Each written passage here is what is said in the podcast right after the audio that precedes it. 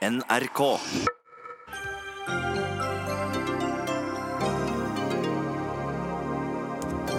Kobolt plyndret i Kongo kan havne i batterier i norske elbiler. En skam, sier dagens fredsprisvinner Dennis Mukwege, og ber folk tenke seg om. Bør norske barn få vente lenger før de begynner på skolen? Det tar Knut Arild Hareide til orde for. Han vil gi mer makt til foreldrene. Norsk olje og gass gir oljen næren for både barnehagedekning og antall jordmødre her til lands i en ny markedsføringskampanje. Spekulativt, mener Naturvernforbundet. Og flere og flere mennesker verden over kan ruse seg lovlig på cannabis. Er det på tide å legalisere også her til lands?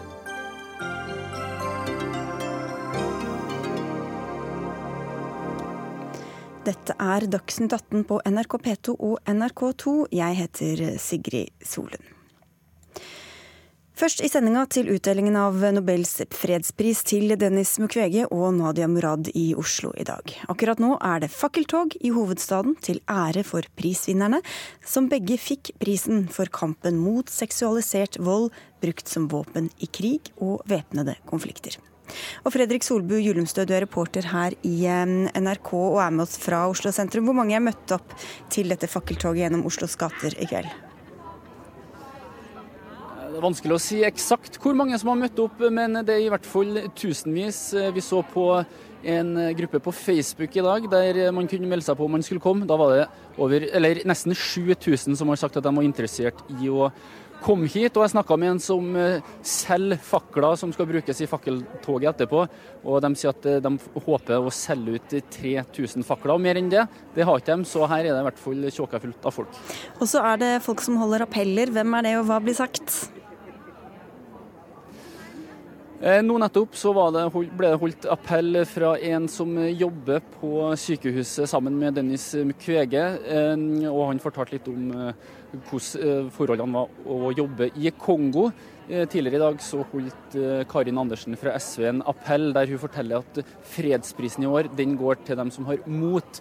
Og hun sier at det her er en fredspris som er viktig, og at verden nå må se at de her overgrepene de foregår i bl.a. Afrika. Da. Og Hvordan er stemningen blant de oppmøtte i fakkeltoget? Eh, jeg møtte faktisk noen i sted som har kommet helt fra Malaysia, de, og, Malaysia og Polen. De er her i dag for å støtte opp om fredsprisvinnerne. og De skal også være med og gå i det her fakkeltoget. Så eh, oppmøtet her det er ganske bra, og det virker som at det er en pris som engasjerer ikke bare verden, men også beboerne her i Oslo, som da har møtt opp her på Jernbanetorget i kveld. Og Selve seremonien var jo eh, i ettermiddag i rådhuset. Hvordan ble talene der mottatt blant de oppmøtte?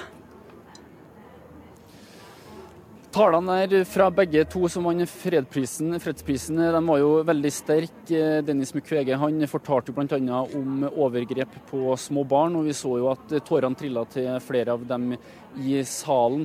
Og Vi hørte også at eh, Nadia Murad fortalte litt om hvordan hun opplevde å bli tatt som gissel av Eh, av IS, så de tallene de var jo sterke. Men de sier jo også at eh, det at de vinner fredsprisen nå, det er ikke nok. Nå må verden åpne øynene og få gjort noe med problemet av seksualisert vold, da bl.a. i krig. Mm, og nå er det altså fakkeltog. Hva er programmet utover kvelden?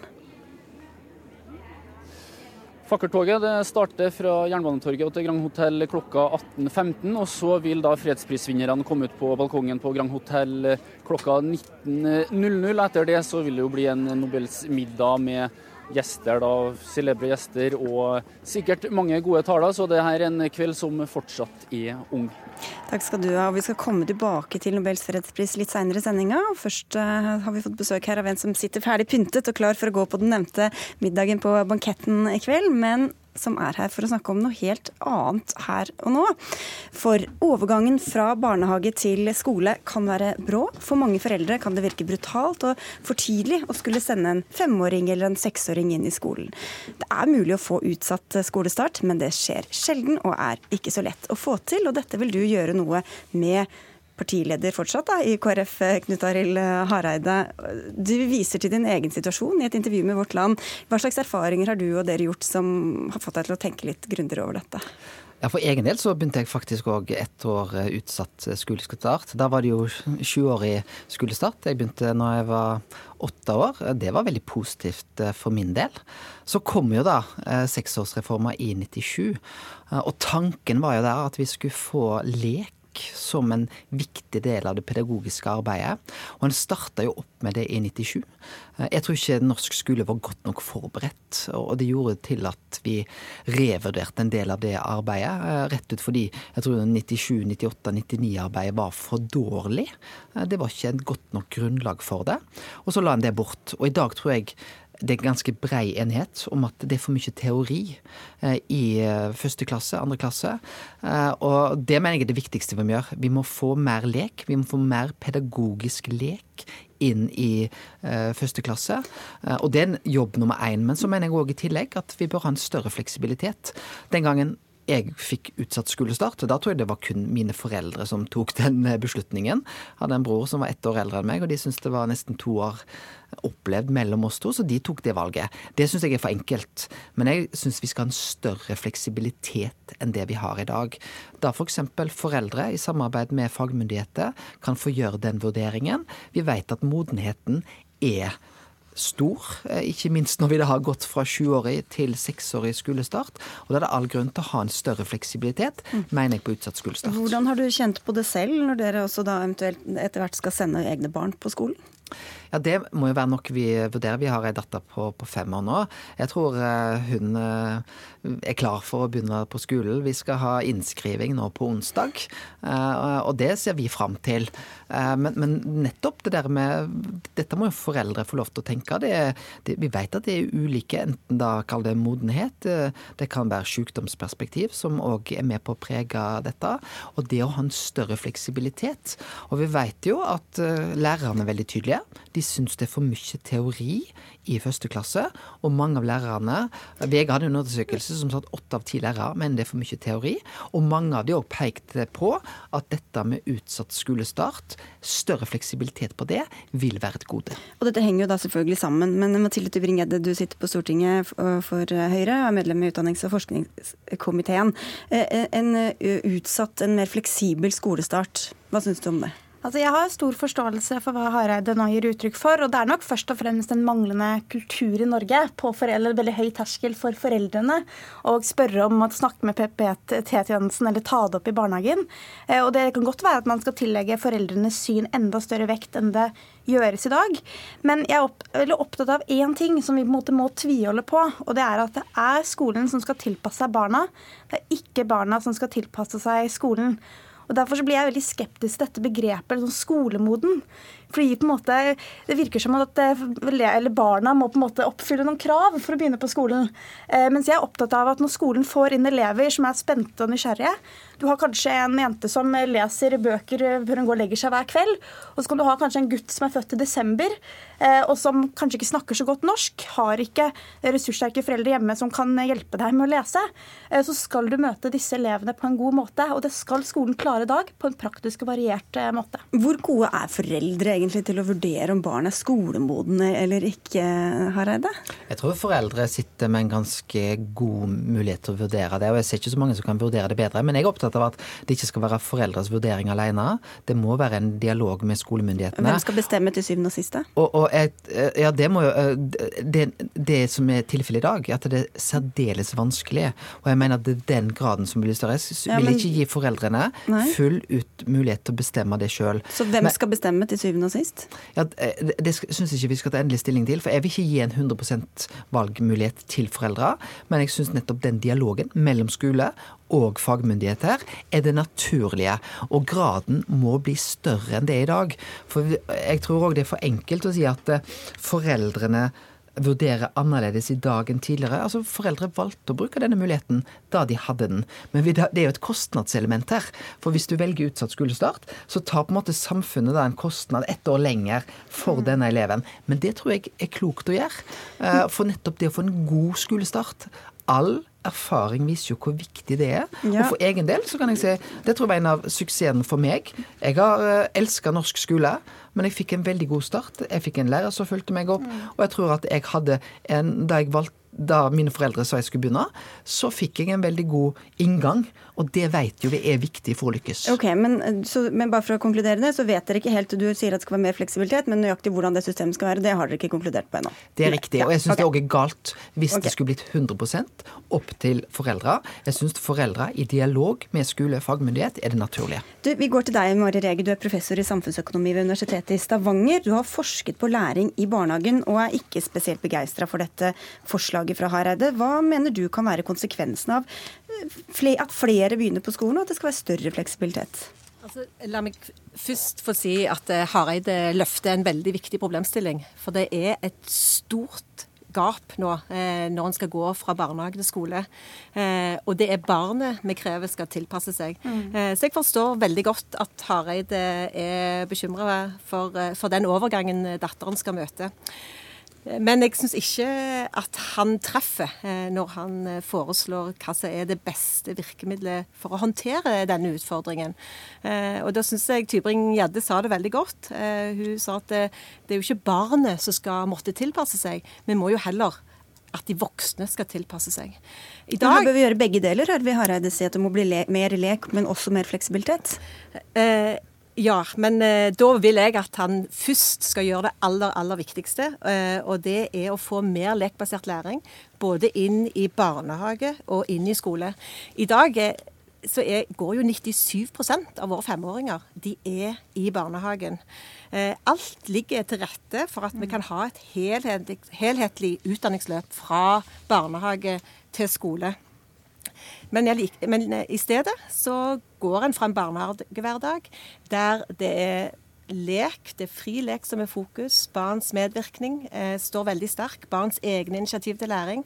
Og så må en hoppe over til skolen. Plutselig, akkurat som det skjer noe magisk med barnet når det er seks år i det norske skolesystemet, jo, da er vi klar for klasseromsundervisning eh, i skolen. Eh, så her må det være en endring til, både i første og andre klasse, der vi må ha mer lekbasert læring inn. Eh, og så må det en endring i barnehagen. Men, men, bare for å klargjøre, hva kan være de negative konsekvensene av at eh, flere begynner seinere på skolen, og at det blir mye mer fleksibelt at foreldrene skal få bestemme mer? Ja, jeg er redd for at det kan bli en hvilepute eh, nettopp til å få til de endringene som vi virkelig trenger. Eh, jeg deler Tybring-Gjedde sin eh, bekymring til, altså med å være skeptisk til det begrepet skolemoden. Vi må ha en barnehage som rommer barn på alle forskjellige nivå og stimulere barnet der det er. Men det må vi òg med skolen. Så vi må ha en skole som Eh, bygger på en pedagogikk, og det viser forskningen der, at eh, barn i første og andre og tredje klasse de lærer best gjennom lekbasert læring. Så egentlig så er dere jo enige om halve oppskriften, mer lek og mer lekbasert læring inn i skolen. Men hvorfor begynne da i begge ender, for å si det sånn? Altså, jeg, vil, jeg vil jo begynne der, men det var jo òg det de som gikk for Reform 97 i sin tid sa. Vi må få mer lekbasert læring i første andre klasse. Det lyktes de ikke med. Mm. Og nå sier altså 80% av lærerne som sier at det er for mye teori. Og det må vi bare ta inn over oss. Men jeg mener, jeg vil jo ikke ha en så fleksibel skolestart at vi går tilbake på det. Mm. Og på en måte beholde dagens struktur i første og andre klasse. Eh, og vi må ikke bruke òg eh, utsatt skolestart som ei hvilepute. Men jeg mener vi må ha en endring. Eh, og det er jo ikke gjort faktisk en skikkelig evaluering av Eh, eh, Reform 97 eh, og seksårig skolestart i Norge. Det er jo det vi er i gang med nå. Og jeg mener at det bør resultere til en endring i norsk skole, første og andre klasse, men òg at vi gir en større fleksibilitet. Vi vet jo at barn i seksårsalderen kan ha en modenhetsforskjell på opptil tre år, altså normale barn. Mm. Så det er en ganske stor forskjell, og jeg forstår ikke heller hvorfor den fleksibiliteten Vi trenger ikke bare snakke om modenhet, vi kan snakke om naturlig nok læring. Sykdomsbildet er òg med å prege. Og jeg føler at det er denne kostnadsanalysen som blir så gjeldende at vi tenker gir vi utsatt skolestart, så tar vi på en måte ett år ekstra da barnehagekostnad Fordi barnehagen er dyrere enn å gå på skolen? Og, og, de som gjennomførte 90, Reform 97, det var jo på en måte en begrunnelse bak det at det vil være en kostnadsbesparende reform. Eh, og, og, jeg syns likevel at barnets beste må være til en vurdering, og da mener jeg utsatt skolestart. På Tybring-Gjedde så skal du få slippe det, Rege. Ja, jeg, ikke, jeg, er ikke så opptatt av det kostnadsbesparende elementet akkurat her. Og vi kan også godt diskutere Reform 97. Da begynte jeg selv på skolen. Det er en del år siden. Vi har jo erstattet Reform 97 med Kunnskapsløftet, som nå ser vi eh, positive konsekvenser av. Vi ser jo nettopp at de yngste barna klarer å lese og regne bedre. Men så er jeg opptatt av nettopp det også Hareide peker på, nemlig at småtrinnet det er noe annet enn sjette eller syvende klasse. Man lærer på andre måter. Man trenger et stimulerende læringsmiljø som også da involverer lek, helt åpenbart. Men der har dere svikta, da? Nei, nå er vi i gang med fagfornyelsen. Det er jo da den største moderniseringen av norsk skole siden Kunnskapsløftet, som nettopp handler om mer praktisk læring. Men, du sier jo selv at dere ikke har fått til den leken i første klasse. Vi har svikta på lekbasert læring men kan jeg, Kan jeg legge til, en, legge til en ting der? For det er jo ikke slik i dag at vi har kompetansemål i første klasse. Vi har kompetansemål på slutten av andre klasse. Det vi egentlig lagt til rette for, er jo at lærerne selv skal kunne variere. Men så er jeg helt enig i at jeg tror nok at veldig mange lærere har følt at det har vært noen forventningspress om hvordan de skal undervise. Så jeg er opptatt av at vi nå får dyktige begynnerspesialister som er eksperter på hvordan de yngste barna utvikler seg, og det er de som underviser i første og andre klasse. Og det er mye mer variert enn det kanskje er en del, mangler en del steder Regge, i dag. Eh, på tampen her, KrF er jo også ellers veldig ivrige tilhengere av eh, valgfrihet, kontantstøtte. Eh, kanskje noe som legger til rette for at også flere flere skal flere begynne seinere i barnehagen. Hvordan kan det bli, denne kombinasjonen av senere barnehagestart og eventuell utsatt skolestart bli for utjevning blant eh, barna? Ja, altså det vi vet, er at eh, hvordan barn scorer allerede i barnehagealder på eh, språk, i matematikk og selvregulering, det er en veldig sterk predikator for hvordan barnet tilpasser seg, både faglig og sosialt i skolen. Så det er så viktig at barnehagene får mulighet til å jobbe systematisk med å stimulere språk og matematikk og sosial og emosjonell kompetanse. Eh, så jeg vil helt klart ha, for sosial utjevning, så vil jeg ha barna inn i barnehage. Eh, men jeg vil òg at barnehagen skal føle et ansvar. Det er ikke sånn at eh, ja, bare la barnet vokse, så blir det til slutt skolemodent. Barnehagen har en viktig rolle med å bidra til at barnet skal utvikle de kompetansene som er så viktige for å tilpasse seg bra faglig eh, og sosialt på skolen. Eh, og at det ikke skal hvile på en pute med å si at ja, vi kan jo vente et år. Eh, så, så, eh, det er jeg skeptisk til. Mm. Eh, okay. En, en, replikk eh, Veldig kort. Veldig ja, Hareide sa at det har svikta med å få den lekbaserte læringen inn i skolen.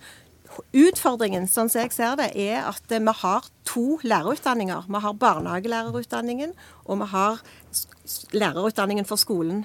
Det bør slås i sammen, sånn at vi får en lærerutdanning eh, som er mer kontinuerlig. Det er ingen grunn til at det utdanningen for barnehagelærerne som har ansvar for femåringene, skal være helt annerledes mm. enn lærerne i skolen som har ansvar for seksåringene. Her må det mer kontinuitet til. Ok. Du, da skal vi Hareide, ti sekunder slutt. Ja, du ville sikkert angripe premissene i spørsmålet. Vi har noen fantastiske barnehager i Norge som nettopp er gode på å bruke lek og læring, og det må vi gjøre enda bedre. Men jeg vil si om kontantstøtta. Det er ettåringer det er snakk om. Det høres ut som det er femåringer det er snakk om. De som mottar kontantstøtte i Norge, det gir en fleksibilitet, valgfrihet, i en veldig kort tid. Og det er altså ettåringer. Altså opp til to år, da. Ja. ja. Mm, ja. Fint, da fikk vi presisert det. Takk skal dere ha alle tre for at dere var med i Dagsnytt 18. Knut Arild Hareide i Kristelig Folkeparti, Mathilde Tybring-Gjedde fra Høyre og Mari Rege fra Universitetet i Stavanger. Dagsnytt 18 alle hverdager klokka 18.00 på NRK P2 og NRK2. Og da skal Dagsnytt 18 tilbake til utdelinga av eh, Nobels fredspris i Oslo i dag. Det var mange som ble berørt, som vi hørte tidligere, av talene som prisvinnerne Dennis Mukwege og Nadia Murad holdt i rådhuset. Men budskapet fra legen Mukwege går også rett inn i nordmenns forbruksvaner. For i forkant av tildelinga tok han et kraftig opprør med elbilindustrien. Grunnen er bruken av kobolt fra Den demokratiske republikken i Kongo i disse bilbatteriene. Og Beate Ekeløve Slydal, du er politisk rådgiver i Amnesty International Norge. Dette må forklares litt nærmere. Hva kan være sammenhengen? Hva er det han viser til eh, som er sammenhengen mellom denne seksualiserte voldsbruken og disse bilbatteriene, egentlig? Nei, utgangspunktet er jo eh, Kongo, som er et, et, et, utpint land hvor man har hatt krig og konflikt i årtier. Hvor du har ulike væpnede militsgrupper som eh, kjemper om de enorme naturressursene eh, som er i Kongo. Bruker ekstremt brutale virkemidler for å forsøke å få makten over disse og, og, og få masse, masse inntekter. Eh, og, til tross for at eh, koboltgruvene er styrt og eies av myndighetene og ligger i en del av Kongo hvor dette, disse overgrepene ikke foregår, så eh, er jo forholdene som kobolten utvinnes under, ekstremt dårlige. Altså Det er nærmest slaverilignende forhold ved disse gruvene, som handler om hvordan de, både liten og stor, både voksne og barn, arbeider under veldig vanskelige og til dels livsfarlige forhold. Og så det, det, er egentlig koblingen til at her, her, her, står vi overfor et land som har enorme utfordringer når det handler om respekt for helt grunnleggende menneskerettigheter. Ja, for Han sier da Mukwege at eh, krigen i Kongo er ikke en etnisk krig eller en religiøs krig, men en krig om ressurser, og da er altså kobolt en av disse ressursene som det kriges om. Det riktig. Og da um, er det sånn at dere også har vært her nede og, og, og beskuet disse gruvene. Uh, du forklarte jo litt, men si litt mer om, det, om hva slags forhold som, som eksisterer her i, under denne utvinningen utvinninga? Ja, Vi har vært ute i feltet her flere ganger for å skulle se hvordan, hva skjer egentlig der nede. Og det vi ser er jo at uh, Store deler av gruvevirksomheten foregår manuelt. Altså det er ikke moderne teknologi som anvendes, men det er da ren menneskekraft som på en måte er det som ligger bak hele jobben. Hvor da eh, mennesker Si, krabber i smale, mørke, trange ganger langt under jorden, og med egen kraft i egne hender med å grave ut kobolten. Ofte så er de under jorda i timevis før de kommer opp igjen. Og det er livsfarlig. Altså, dødsulykker skjer. Eh, de puster inn farlige, giftige eh, støv og, og gasser. Og, barn helt ned til syvårsalderen er en del av denne virksomheten. Og Det er det som er vårt fokus eh, i alt arbeid vi har, og etterforskning og kampanjer. At dette her foregår under totalt uverdige forhold. Og så har du store multinasjonale selskaper både på bilindustrisiden og innenfor IT-bransjen som tjener store penger på flotte produkter som mange av oss enten kjører rundt i, eller som i hvert fall alle av oss eier, enten det er mobiltelefoner iPader osv. Kristina Bu, generalsekretær i Norsk Elbilforening. Hvor oppmerksom har dere vært på at det kan være kobolt fra utvinnet under sånne forhold, som kan finnes i, i norske bilbatterier også? Det har vi vært oppmerksomme på lenge. Det, vært, det, er, de, det er, egentlig den utfordringen vi ser med, med elektrisk mobilitet. Vi er, vi er, helt avhengig av å elektrifisere transporten. Vi har en kjempeutfordring også med klimautslipp og lokal luftforurensning. Så det, det, må vi gjøre. Men 40% av koboltreservene finnes i Kongo.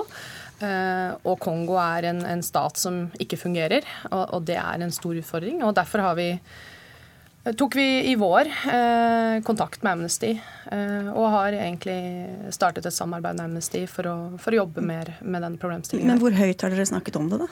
Vi snakker eh, mye om det fordi vi har eh, mye kontakt med bilprodusenter. Eh, møter med mange på toppnivå som kommer hit til Norge. og det, det er en, egentlig en god mulighet vi har her i Norge, fordi vi er et av de landa som er lengst framme når det gjelder elbil eh, og, og kjøp av elbil. Sånn, og vi, er, eh, vi har 70 000 eh, medlemmer og er dermed verdens største elbileierorganisasjon foreløpig. Og det gir oss også mulighet til å påvirke, og det, det, det gjør vi. Men hvordan, gjør, hvordan kan norske, deres medlemmer hvordan, norske elbileiere hvordan kan de vite om de kjører rundt med kobolt på tanken holdt jeg på å si, som er utvinnet på den måten som vi gjør? Ja, det er nettopp det som er utfordringen. og, og våre medlemmer er jo ikke interessert interessert i det. De vil vite at de produktene de kjøper, om det er en mobil eller en iPad eller en elbil, at eh, det er eh, laget på en forsvarlig måte og en etisk eh, god måte. Og der er utfordringen nå. Og vi er veldig glad for at Amnesty har satt fokus på det. Og derfor har vi også inngått et samarbeid med Amnesty. Og vi skal bl.a. sette dette på agendaen på vår eh, internasjonale elbilkonferanse her i Oslo i mars, eh, hvor Amnesty er invitert eh, til å komme og snakke. Vi har invitert både Nissan, BMW, Tesla og Norsk forening for bilimportører. Ingen av dem ville eller kunne komme og snakke med oss i dag. Atle Hamar, du er statssekretær i Klima- og miljødepartementet. Og når norske myndigheter skal snakke om klimapolitikk, så tar det ofte ikke mange sekundene før de begynner å snakke om elbilpolitikken og hvor vellykket den har vært. Men kobolt fra Kongo og sammenhengen mellom den og norske, bilbatterier i norske biler, det hører vi ikke så mye prat om. Det, det er en problemstilling som vi er fullt ut klar over. Og akkurat dette med kobolt og den uh, situasjonen som blir beskrevet fra Amnesty her, er jo uh, vi kjent med. Den blir det jobba med gjennom uh, organisasjoner som FN, OECD. Vi har jo etablert dette kalde hovedkvarteret i Oslo som heter EITI, som jobber for åpenhet i råvareindustri og transparens. Altså knytta til både denne type materialer og petroleum. ikke sant? Så det foregår ganske mye dårlig råvareproduksjon i deler av verden, også når det gjelder olje og andre produkter. Så dette er vi klar over, og vi jobber gjennom internasjonale organisasjoner. Det er jo ikke en sak Norge kan løse alene. Og Nei, men... Dessuten så vil jeg jo legge til, det er jo flott at eh, Dennis eh, Mukwege får da fredsprisen ikke sant? for å ivareta kvinners rettigheter og sette fokus på dette med barnearbeid òg. Men hvordan har dere i utformingen av norsk elbilpolitikk tatt hensyn til eh, hvordan dette påvirker mennesker i Kongo f.eks.? Du, vi er tungt inne i eh, Kongo og kjenner Kongo gjennom Klima- og. For vi støtter opp om sivilsamfunn og minoritetsbefolkning gjennom det initiativet. I forhold til norsk elbilpolitikk så er det jo slik at batteriproduksjon er en eh, del av det. Vi elektrifiserer Norge både på ferger, elbiler og andre eh, produkt. Og Da handler det jo om at vi må jobbe med å sikre at vi får kontroll over forsyningskjeden, og at det er åpenhet rundt dette, og at du får en regulering på plass. Og Det er jo der, det er der, en, det er der når Amnesty sier at dette foregår i Kongo innenfor kall det myndighetsregulerte området. Litt av utfordringen med Kongo er at selv om det er staten som regulerer det, så har man ikke helt og fullt eh, kontroll med aktiviteten som skjer. Og så er det også produksjon i områder der staten ikke har kontroll, der kall det væpna grupper som har tatt kontroll over sivilsamfunn, også driver utvinning av kobolt. Men poenget var at norsk elbilpolitikk har da ikke skult noe til hva slags konsekvenser det kan få for mennesker i Kongo. Altså, Norsk elbilpolitikk den eh, bygger på ganske mange kriterier. Som Kristina sier, så er det grønne skiftet viktig ja, ja, for å kutte, kutte utslipp, som òg er, en alvorlig sak i forhold til klima og, miljø. Men, men du er enig i at det da kan, at noen men, må betale for det? Men det er ingen som tar til orde, eh, heller ikke Amnesty sier at uh, vi skal slutte slutte å eh, kjøpe kobolt fra Kongo. Eh, det er jo en, en, viktig ressurs for et land. Problemet med, med kobolten i Kongo er at Kongo er en stat som som ikke fungerer, og hvor det er eh, borgerkrig og, og, utfordringer. Eh, men det vi virkelig kan gjøre, og jeg tror også at Norge kan ta en større rolle i, det er å sette dette temaet på dagsorden. Eh, det, har vi tatt, eh, det ønsker vi å gjøre og har tatt initiativ til. Men også da eh, å presse eh, de ulike aktørene til å, å, å, kreve åpenhet i verdikjeden. Og Det gjelder alt fra bilprodusenter, men, men også uh, batteriprodusenter, og i første rekke de som faktisk utvinner uh, kobolten. Hvor lydhøre er myndighetene i Kongo for den type press og samtaler, da, Kløvers Lidan? Eh, så vi, vi, hadde lanserte vår første store rapport i 2016. Og så har vi fulgt opp hele tiden med kommunikasjon med myndighetene i Kongo og med de store selskapene vi har snakket om her tidligere i dag. Eh, og vi ser nå at eh, kongolesiske myndigheter de har anerkjent og respektert de funnene vi har. Og har satt i gang en del initiativer for å skulle forsøke å forhindre bruken av barnearbeid ved gruvene. De har startet en rekke såkalte modellgruver som viser at det går an å utvinne kobolt på en forsvarlig og trygg måte uten barnearbeid.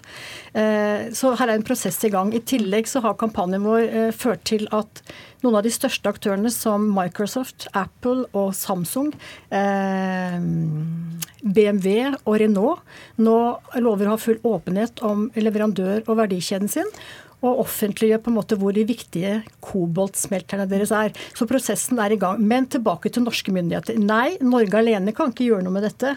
Men f.eks. den britiske eh, metallbørsen de lager nå et forslag om å skulle stille krav til alle de selskapene innenfor metallindustrien som er på børsen i England, at de må ha full offentlighet omkring hva som er verdikjeden deres, og at de må sikre at den er ansvarlig. Den type krav, tenker jeg, kunne vært flott man kunne vurdert og kunne gjort i Norge og for norsk børs. I tillegg så ønsker vi å få på plass en uavhengig internasjonal monitoreringsinstans. Akkurat slik man forsøkte å få til når det gjaldt bloddiamanter et uavhengig monitoreringsorgan som gjør det mye mye vanskeligere å skulle eh, utvinne og selge denne type kobolt uten at det får konsekvenser. Sant, Men det er jo nettopp en del av disse temaene som vi tar opp gjennom FN og OECD og en del andre internasjonale prosesser som vi er en del av. Og så er det som du sier, det er ingen quick fix på dette. Det er ikke noe alternativ i Kongo heller å kutte koboltproduksjon, for det vil gi andre og også ganske mm. vanskeligere konsekvenser for folk. Men vi har sett hva slags makt forbrukere kan ha gjennom f.eks. palmeoljekampanje, hvor liksom, palmeoljebruken har stupt eh, norske, eller produkter solgt i Norge, og har fått sertifiseringsordning. Hva med å kjøre på noe tilsvarende? Det er jo sikkert veldig mange elbilkjørere som ikke ønsker å, å kjøre rundt med biler som kan ha vært uh, brukt på, eller Ja, opplagt, opplagt. Og vi ser jo det at Elon Musk og Tesla sier jo det at i løpet av få år så skal han utvikle batteri uten å bruke kobolt som råvare inne. Det har han jo på en måte spilt ut. Og imens da, hva kan norske forbrukere gjøre? Nei, altså Da må vi på en måte ta tak, eh, som vi har gjort med palmeolje. For den skal vi greie å kvitte oss med i løpet av veldig få år. Nå vi er på vei godt nedover i 2018, det vet vi når det gjelder palmeoljeforbruket. Og så er det jo eh, spørsmål Du må finne alternative råvarer inn, og det finner du gjennom teknologisk utvikling. Det sier også aktører som Tesla, og da tror jeg at dette kan la seg løse. Men det er et poeng at som Amnesty sier, du er nødt til å få mer regulerte forhold, større gruvedrift, for det er mye småskala gruvedrift i Kongo der forholdene er forferdelig vanskelige. Det er som du sier, det ligger langt under jorda, og i den sammenheng så tror jeg at uh, der er det det internasjonale samfunnet som må jobbe, altså. Og det, det er vi klar over, og der er vi til stede. Ok. Dere, vi takker av denne runden eh, alle tre. Beate Ekeløve Slydal fra Amnesty, Kristina Bu fra Elbilforeninga og Atle Hamar, eh, som er statssekretær i Klima- og miljødepartementet.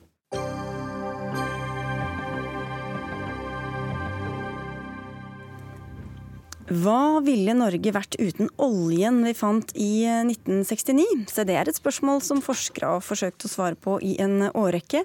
Nå er det aktualisert igjen gjennom NRK-serien Lykkeland, som tar for seg det norske oljeeventyret.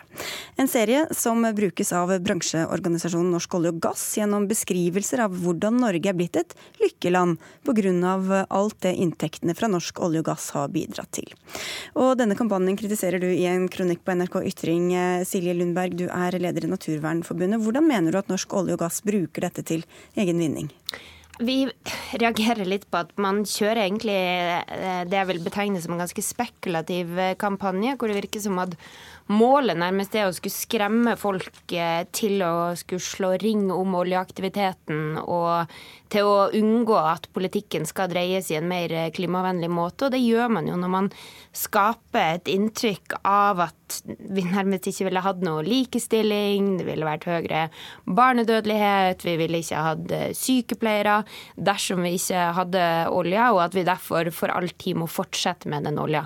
Så det er jo det vi reagerer på, måten norsk olje og gass bruker de her tallene og den konteksten det settes inn i. Men hvilke velferdsordninger er det de viser til i kampanjen som de ikke kan ta æren for, da, mener du?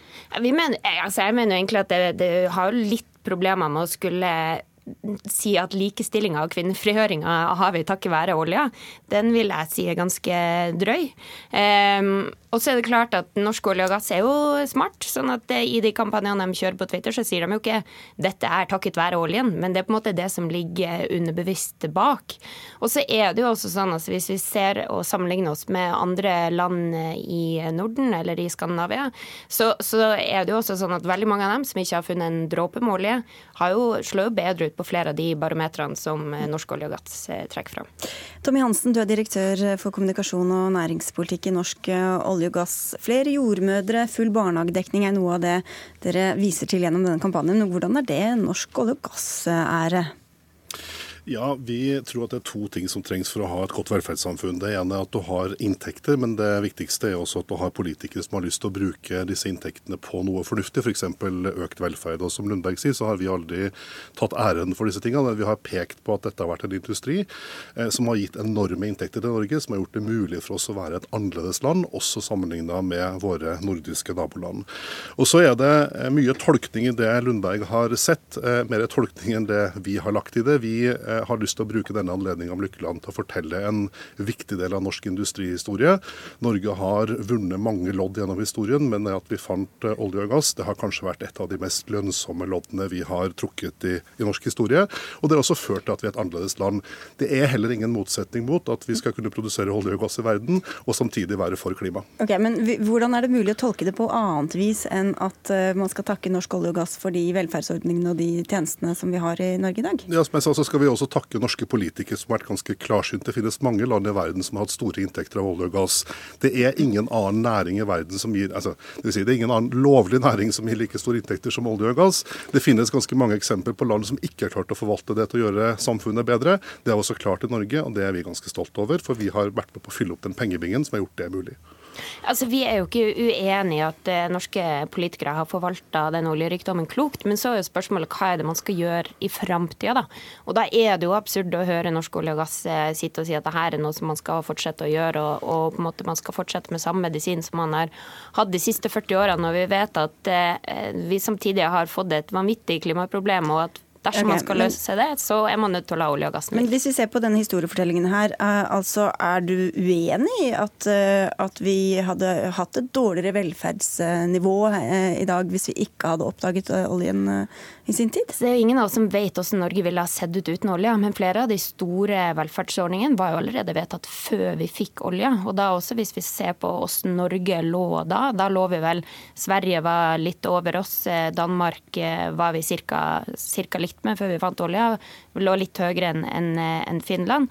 Eh, men ikke sant, de store ordningene ble jo vedtatt i forkant. Og så er det klart at vi må huske på også at noe av det som vi har brukt mye tid på, hvor mye av den humankapitalen og hvor den finansielle kapitalen har gått de siste 40 årene, er jo nettopp til olja. Og det er der også ikke sant, mange av dem som har gått på NTNU, på NHH og på de store universitetene, har begynt å jobbe i olje og skape de eh, verdiene som man ser der. Og så er det jo ikke sånn at hadde vi ikke funnet olja, så hadde de personene bare sittet og tvinna tommeltotter. Man hadde jo gjort noe, men det er ingen av oss som vet hvordan et Norge uten olja ville ha sett ut. Men vi har den olja nå. Det er helt klart, vi hadde aldri hatt oljefondet uten det, hadde ikke hatt de pengene uten det. Men å skulle på en måte tilskrive hele velferdssamfunnet olje, det mener jeg blir feil. Og kanskje vi hadde hatt noe annet i stedet for Tommy Hansen? Ja, det kan godt hende. Vi har, også, vi har jo sittet på rumpa i Norge og sett på denne oljeindustrien. Det har ikke gjort noe annet. Vi har jo tatt fram en del andre næringer i løpet av denne tida også. Men, eh, men det, det, er litt sånn litt litt omtrentlig omgang med historien. fordi eh, Hvis vi går tilbake til da dette starta, så hadde altså Sverige en verdiskapning som var ca. 40% høyere enn Norge. I dag er Sverige dobbelt så mange som vi i Norge, men de har allikevel et mindre statsbudsjett enn oss. Og Selv om Sverige på langt, eh, langt fra er et u-land, så er det et annet land med noen andre velferdsordninger enn det vi har i Norge. Men eh, i Samtidig går, har de hatt andre industrieventyr som ikke vi har hatt her også, som kan ha en sammenheng med Jo, og det, og det har de gjennom historien hatt på en annen måte. Og det er vanskelig å sammenligne land, for at land er forskjellige. Men, eh, men Jeg har ikke sett alle episodene av Lykkeland, men jeg så episoden i går kveld. Eh, og Da sier Arne Rettedal at vi lever på det mest spennende stedet eh, men Arne mest... Rettedal, gi litt kontekst. ja, Arne Rettedal var ordfører i Stavanger, eller ble iallfall ordfører i Stavanger i, i, starten på dette eventyret. Og han sier at i Stavanger så lever vi nå på det mest spennende stedet på jorda, i den mest spennende tida akkurat nå. Og litt sånn tror jeg mange som jobber i olje- og gassindustrien har det også i dag. For at det er en annen industri i dag enn det det var i 1970. Bl.a. fordi at det er her kompetansen, det er her de flinke folka finnes, for å møte de utfordringene som jeg tror Lundberg er enig om, at vi må få gjort noe med klimaproblemet. Norge produserer ca. 2% av verdens eh, oljeforbruk. og Det betyr at hvis vi skulle ha, hvis vi skulle ha slutta med det i Norge, så hadde oljen blitt produsert et annet sted. Det hadde ikke ført til lavere utslipp, og det hadde ført til at mange mista jobben sin. Ja, Vi skal gå litt mot slutten her, eh, Lundberg. Men, men, det er jo sånn, du viste til at det var vedtatt eh, reformer, men de trenger jo faktisk å bli finansiert også for å komme ut i livet. Ja, helt klart. Men samtidig så ser vi at flere av de velferdsreformene er det jo også land som greier å oppfylle veldig godt uten å ha et ei dråpe med olje. Sånn at det er bare noe med den historiefortellinga om at Norge er det Norge det vi, Norge, det vi kjenner landet som bare takket være olja. Det er en utrolig forenkla versjon av norgeshistorien. Så det nei, nei, nå må du la meg snakke. Så det er noe med å ha litt respekt for historieforståelsen her òg, da. Og så er det jo også et spørsmål ja, hvor er det vi skal videre? Og da er det, da mener jeg det blir veldig navlebeskuende og hele tida bare se tilbake på det det har vært, og det det man tenker at da skal det fortsette å være sånn.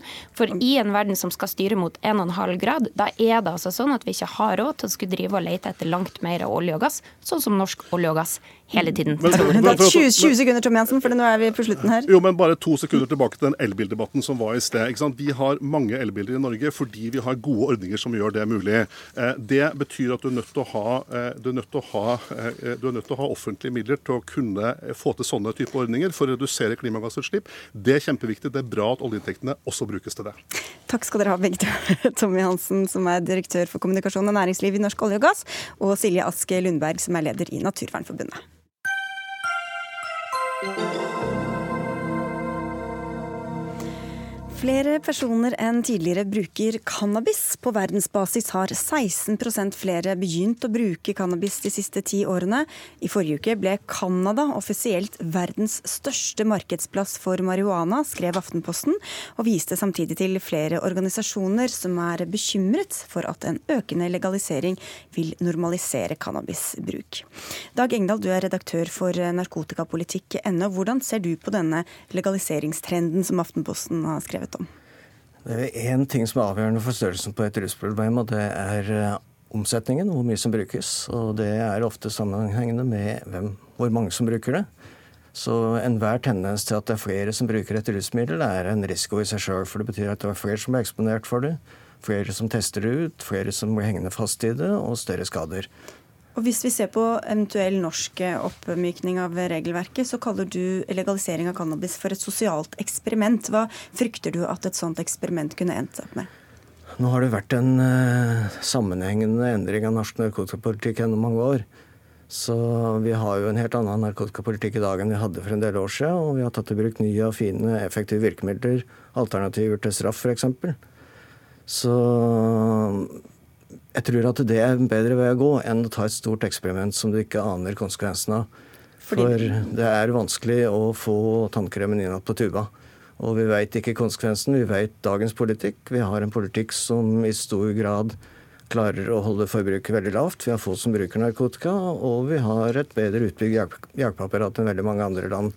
Så vi vet hva vi har, men vi vet ikke hva vi får. Ester Nafstad, du er daglig leder i Normal, som altså får en legalisering av eh, cannabis. Vi vet ikke hvor vi kan ende opp. Hører vi her, Hvorfor er det da lurt å, å legalisere eller avkriminalisere? Ehm, jeg er jo veldig opptatt av altså konsekvensene av det forbudet. Og vil jo påstå at forbudet er jo også et sosialt eksperiment, og noe som er ganske unikt hvis du ser det i historisk uh, sammenheng. Eh, det er mange negative konsekvenser som et stort illegalt eh, marked. Mye kriminalitet rundt det. Og vi er også i kontakt med mange som bruker cannabis rekreasjonelt. Altså de foretrekker det istedenfor alkohol, f.eks.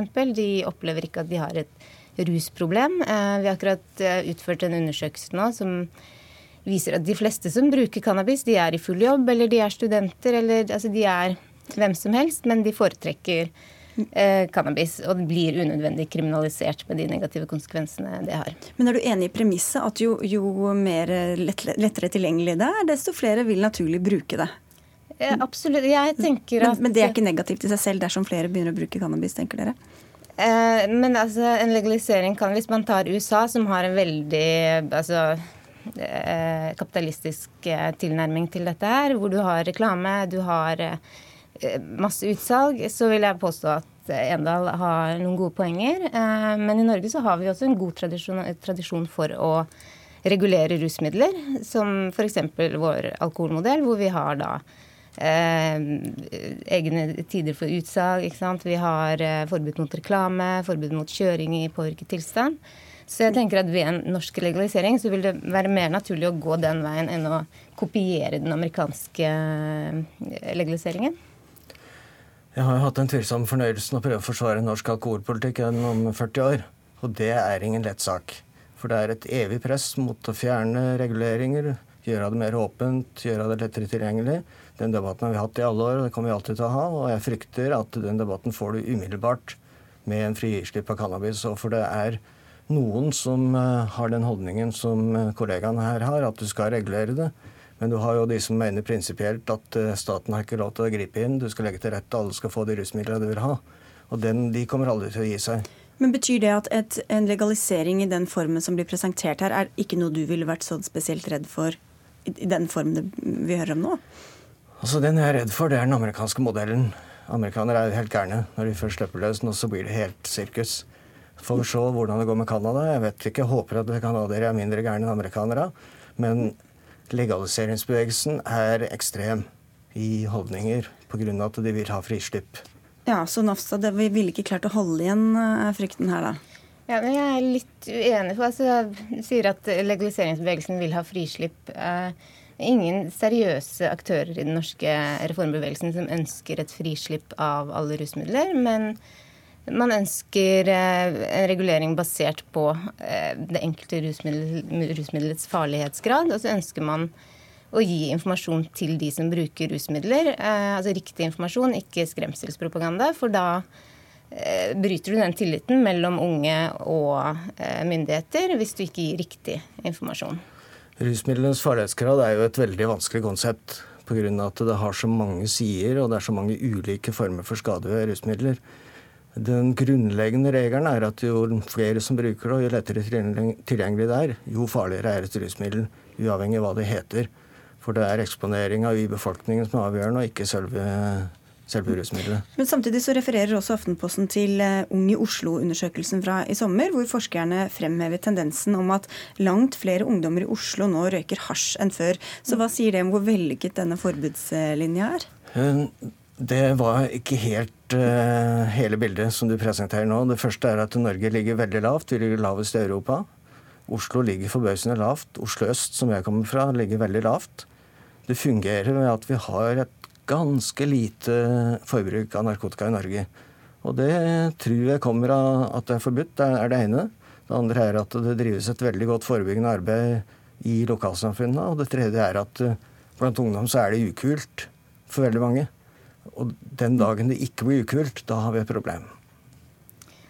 Ja, men jeg vil også skyte inn at altså, vi vet at mennesker som utvikler et rusproblem, de har ofte traumer. Eller det er et eller annet som de da prøver å selvmedisinere. Ehm, så det er jo ikke sånn at et rusmiddel eller det illegale rusmiddelet har noen spesiell egenskap ved seg som gjør helt friske mennesker avhengig av det. Eh, og jeg tror at grunnen til at vi har et veldig lavt eh, bruk blant unge i Norge, er fordi vi har et, en velferdsstat. Vi har aktivitetstilbud til unge. Eh, vi har et system som fanger opp unge, og de fleste i Norge har det trygt og godt. Så da er det naturlig at vi også har en lav andel av rusmisbruk. Ja, sånn er det. Og det er eh, kanskje den viktigste biten i norsk narkotikapolitikk. Det lokale arbeidet som drives for å forebygge ikke bare narkotikabruk, men forebygge mobbing, rasisme, skoleskulking, frafall i skolen. Jeg er sjøl en del av det og ser åssen det fungerer. Og jeg tror det vil være et svik mot de som driver lokalt, og si at eh, det som dere trenger nå, det er tilgang på rusmidler solgt på på Høyresenteret eller Teta-senteret. Vi eh, fikk i hvert fall debatten, som jo aldri dør eh, heller her i Norge, uansett hvor mange ganger vi tar den. Takk skal dere ha begge to. Ester Nafstad, som er daglig leder for Normal, og Dag Endal, som er redaktør for narkotikapolitikk.no. Hør Dagsnytt 18 når du vil. Radio NRK Radio.nrk.no.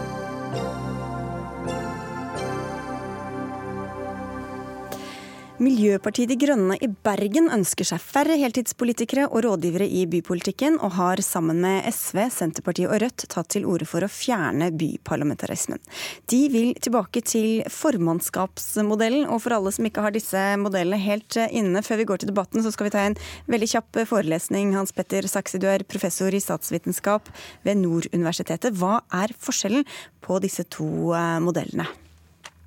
Ja, eh, Formannskap og eh, parlamentarisme bygger på to grunnleggende forskjellige ideer om hva demokrati er og skal være. da. Eh, med formannskapssystem så eh, tenker man seg at de besluttende organ skal være befolka med politikere fra alle partier som med utgangspunkt i hvor mange representanter de har da i bystyret. Med parlamentarisme så, så søker man ansvarlighet og sterk styring. Klarere skillelinjer i politikken. Og der velges da byrådet, som det heter da på, i bypolitikken. Byrådet velges da med flertallsvalg, sånn at bare et flertall, altså posisjonen, sitter i det utøvende organet, da, som er byrådet. Sånn som regjering og storting, for å forklare det også ganske enkelt. Og dette er jo et system som bare Bergen og Oslo har. Alle andre norske kommuner har formannskapsmodell. Men Tor Håkon Bakke, du er førstekandidat i Bergen MDG. Hvorfor vil dere tilbake da for Bergens del til, til den gamle formannskapsmodellen? Ja, nei, altså For vår del i Miljøpartiet De Grønne så synes vi at byparlamentarismen, eller Mikke Mus-parlamentarismen som statsviteren Frank Aarbrot pleide å kalle det, at den er dyr og dårlig. Den er dyrere enn alternative formannskapsmodellen. Hvis du f.eks. sammenligner Bergen og Trondheim, så bruker Bergen 38 millioner på heltidspolitikere, mens i Trondheim bruker de rundt 16 millioner på heltidspolitikere. Så selv om driftsbudsjettet til Bergen er stort, så, så er det ganske stor forskjell i hvor mye man bruker på penger. sånn sett. Og så syns vi at han, han, har noen svakheter når det gjelder styringen av byen. Eh, den fører til at det blir en lite helhetlig byutvikling.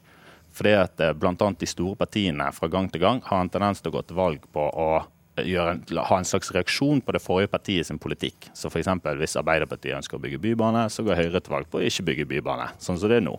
Og Da bruker du også mye penger på at hvert fjerde år så skal man bare omgjøre hverandres vedtak. Og Det har ikke så mye for seg. Men i formannskapsmodellen, som er mer konsensusbasert, så har vi i De Grønne tro på at det kan føre til mer helhetlig byutvikling. Ja, Erlend Horn, sosialbyråd i Bergen for Venstre. Mer helhetlig, mer konsensus, billigere. Hvorfor ikke gå tilbake til sånn det var før? Fordi at I en parlamentarisk modell så er det mye lettere for velgerne å vite hvem som har både skylden og hvem som har æren for om noe går bra eller dårlig. I en formannskapsmodell så er det en rådmann, som er den øverste administrative sjefen, som vil ha enormt mye makt. Og Det gir mening i mindre kommuner, men i byer på størrelse med Oslo og Bergen, der skillelinjene tross alt er mye større enn det vil være i en liten kommune, fordi det er enten det er private eller offentlige løsninger i eldreomsorgen. altså det, Ideologi er mye viktigere jo større en kommune er. Det er derfor vi har parlamentarisme i Norge. Mm. Og Da er det mye lettere for velgerne å vite som sagt, hvem har skylden, og hvem har æren for at noe går bra. Og Det tror jeg er veldig viktig. Og Bergen har hatt formannskapsmodell. Og det var ikke spesielt populært med en så mektig rådmann som ingen har valgt. Nei, og da Bakke, kan, man, kan velgerne ansvarliggjøre og vite hvem som har skylda eller æren, alt ettersom? Ja, så Hvis det var sånn det faktisk hadde fungert. Men jeg gjorde et lite kjapt søk på internett i dag. og det som jeg finner er at Når det oppstår skikkelig kritiske situasjoner i Bergen, enten i barnehager, i skolen, dette personvern, personvernbruddet som skjedde nå i vår, så er det kommunale kommunalt ansatte som blir sendt for å forsvare disse tingene som har skjedd. Og, og da er det ikke sånn at byrådene stilles til ansvar. Så både han Robert Råstad og f.eks. Trine Samuelsen, ingen av de byrådene, har ofte vært ute og forsvart byrådet sin politikk. Og så skal jeg bare legge til at selv om vi i Bergen liker å breie oss litt og si at vi skal løsrive oss fra Norge og danne republikk, og alt mulig sånt, så er ikke det sånn at Bergen er en like stor by som Oslo. De jeg var litt for høflig til å påpeke det, følte jeg, da det ble nevnt i stad, men De har over dobbelt så høyt innbyggertall, og det er også et fylke. Så vi har ansvar for veldig mye mer enn det Bergen har. Blant annet kollektivtrafikk og svære utbygginger av alt fra motorveier, som vi ikke liker i De Grønne for så vidt. Så det blir jo ikke mer av det i Oslo. Men tunneler for T-banen, som okay. er veldig bra. En kjapp kommentar til deg, Horn. Ja, altså for det første så er det jo, Nå har velger Tor Håkon her å velge noen enkeltsaker der det har vært naturlig at det har vært fagfolk som har uttalt seg, men i de aller fleste saker, inkludert uh, Munkebotn-saken for de som har lest om den knyttet til den demningen som brast, mm. så er det min gode kollega Anna-Elisa Tryte som har stått i den. Og Uansett så er det byråden som er ansvarlig opp mot bystyret. Bystyret kan til enhver tid, sånn som på Stortinget, erklære mistillit mot en byråd. Selv om det er noe som skjer langt ned i kommunen. Mens har du en rådmann, så har du ikke den muligheten. Og ikke minst så vil det være veldig vanskelig for velgerne å vite egentlig hvem har ansvar og hvem har skyld. For selv om jeg som sosialbyråd det skjer noe langt nede i min linje som jeg egentlig ikke hadde kontroll over fordi jeg ikke hadde forutsetninger for det. Så det er fortsatt jeg som har ansvaret, jeg har skylden, mm. og da plasserer vi det veldig tydelig i parlamentarismen. Men dette eh, parlamentarisme, byparlamentarisme-spørsmålet eh, har jo vært debattert også i andre byer. I Tromsø var det en stor debatt for noen år siden. De gikk fra formannskapsmodell til byparlamentarisme i 2011, skiftet tilbake i 2015. Og tilbake til deg, Hans Petter Saksi, altså professor i statsvitenskap. Hva slags erfaringer ble gjort i Tromsø? I Tromsø så eh, danna man et eh, flertallsbyråd bestående av eh, Høyre og Fremskrittspartiet og Venstre, som hadde knapt flertall, men som likevel gjennomførte en veldig majoritetsprega politikk. Det førte til at opposisjonen ble veldig frustrert. En av intervjuene sa det sånn at i løpet av fire år hadde de ikke fått flytta på et komma. Og det var en form for uh, majoritetsparlamentarisme som uh, uh, i hvert fall opposisjonen uh, oppfatta som veldig frustrerende. Mm. Og når de da vant valget i 2015, så snudde situasjonen. I, I, Oslo, da, for å sammenligne med, med, med hovedstaden, så har det stort sett vært mindretallsparlamentarisme. Det vil si at byrådet har ikke kunnet uh, høvle over uh, opposisjonen på samme måte som i Tromsø. Det gjør at man da har må, man må ta hensyn til opposisjonen. og kan du si, Det blir en, en uh, parlamentarisk tone da i mm. bystyret. Der også opposisjonspartiene føler at de kan påvirke utviklinga. Men man kan vel ikke eh, ha et system bare basert på om man skal ha flertall eller eh, mindretall. Nå ble det nevnt eh, størrelsen på byene her i stad. Ut fra disse erfaringene som andre byer har gjort seg, hvilken modell syns du er mest hensiktsmessig for Bergens del, Saksi? Ja, Bergen er i en, en mellomposisjon her. Når det gjaldt Tromsø, så var jo det her økonomiargumentet veldig sterkt. Man brukte vel en 12 millioner kroner ekstra hvert år. og det ble jo en 40-45 eh, millioner eh, på, eh, i løpet av en fireårsperiode. Når det gjelder Oslo, så er det ikke noe særlig viktig poeng. Der er også oppslutninga om parlamentarismen veldig høy.